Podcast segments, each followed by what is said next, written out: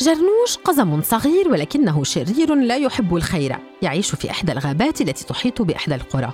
في سنة ما وعند اقتراب عيد الميلاد بدأ جرنوش يتضايق عندما بدأ يلاحظ السهرات والاستعدادات للاحتفال بعيد الميلاد فقال لست أحتمل كل هذا الفرح الذي يتكرر عاما بعد الآخر.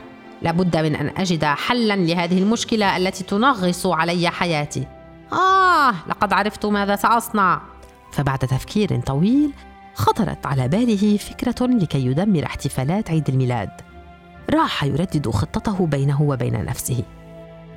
قبل عيد الميلاد بيوم سوف أسرق كل الطعام الجيد الذي أعدوه وكل الملابس الجديدة التي اشتروها. وعندئذ يحزنون وأرتاح أنا من الضوضاء التي يثيرونها كل عام. بدأ جرنوش يستعد لينفذ خطته. وبالفعل نفذها قبل عيد الميلاد بيوم واحد. استيقظ أطفال القرية فلم يجدوا ملابسهم ولا أحذيتهم الجديدة ودخلت السيدات المطابخ فلم يجدن ما يطبخونه. وأما الرجال فلم يعثروا على شجر عيد الميلاد ولا الزينة ولكن في المساء استعد الكل ولبسوا ملابسهم المعتادة وخرجوا من بيوتهم وهم في غاية الفرح يترنمون بتسابيح جميلة والأطفال يرنمون تراتيل وأغاني العيد. وصلوا إلى الكنيسة وفرحوا بالمولود مع الرعاة والمجوس وقدموا الشكر للفادي المتجسد الذي أحبنا وجاء لخلاصنا. وعند التوزيع دقت أجراس الكنيسة بقوة معلنة فرحة السماء والأرض بعيد الميلاد.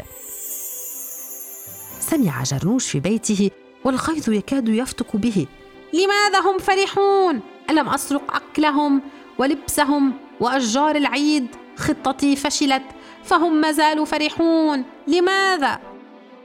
أخذ جرنوش يفكر ثم عندما انتبه إلى أن الجميع كان يحتفل بالمولود ولا تهمهم الرمزيات التي ليست سوى شكليات عرف أن عيد الميلاد أجمل من كل الأمور التي سرقها.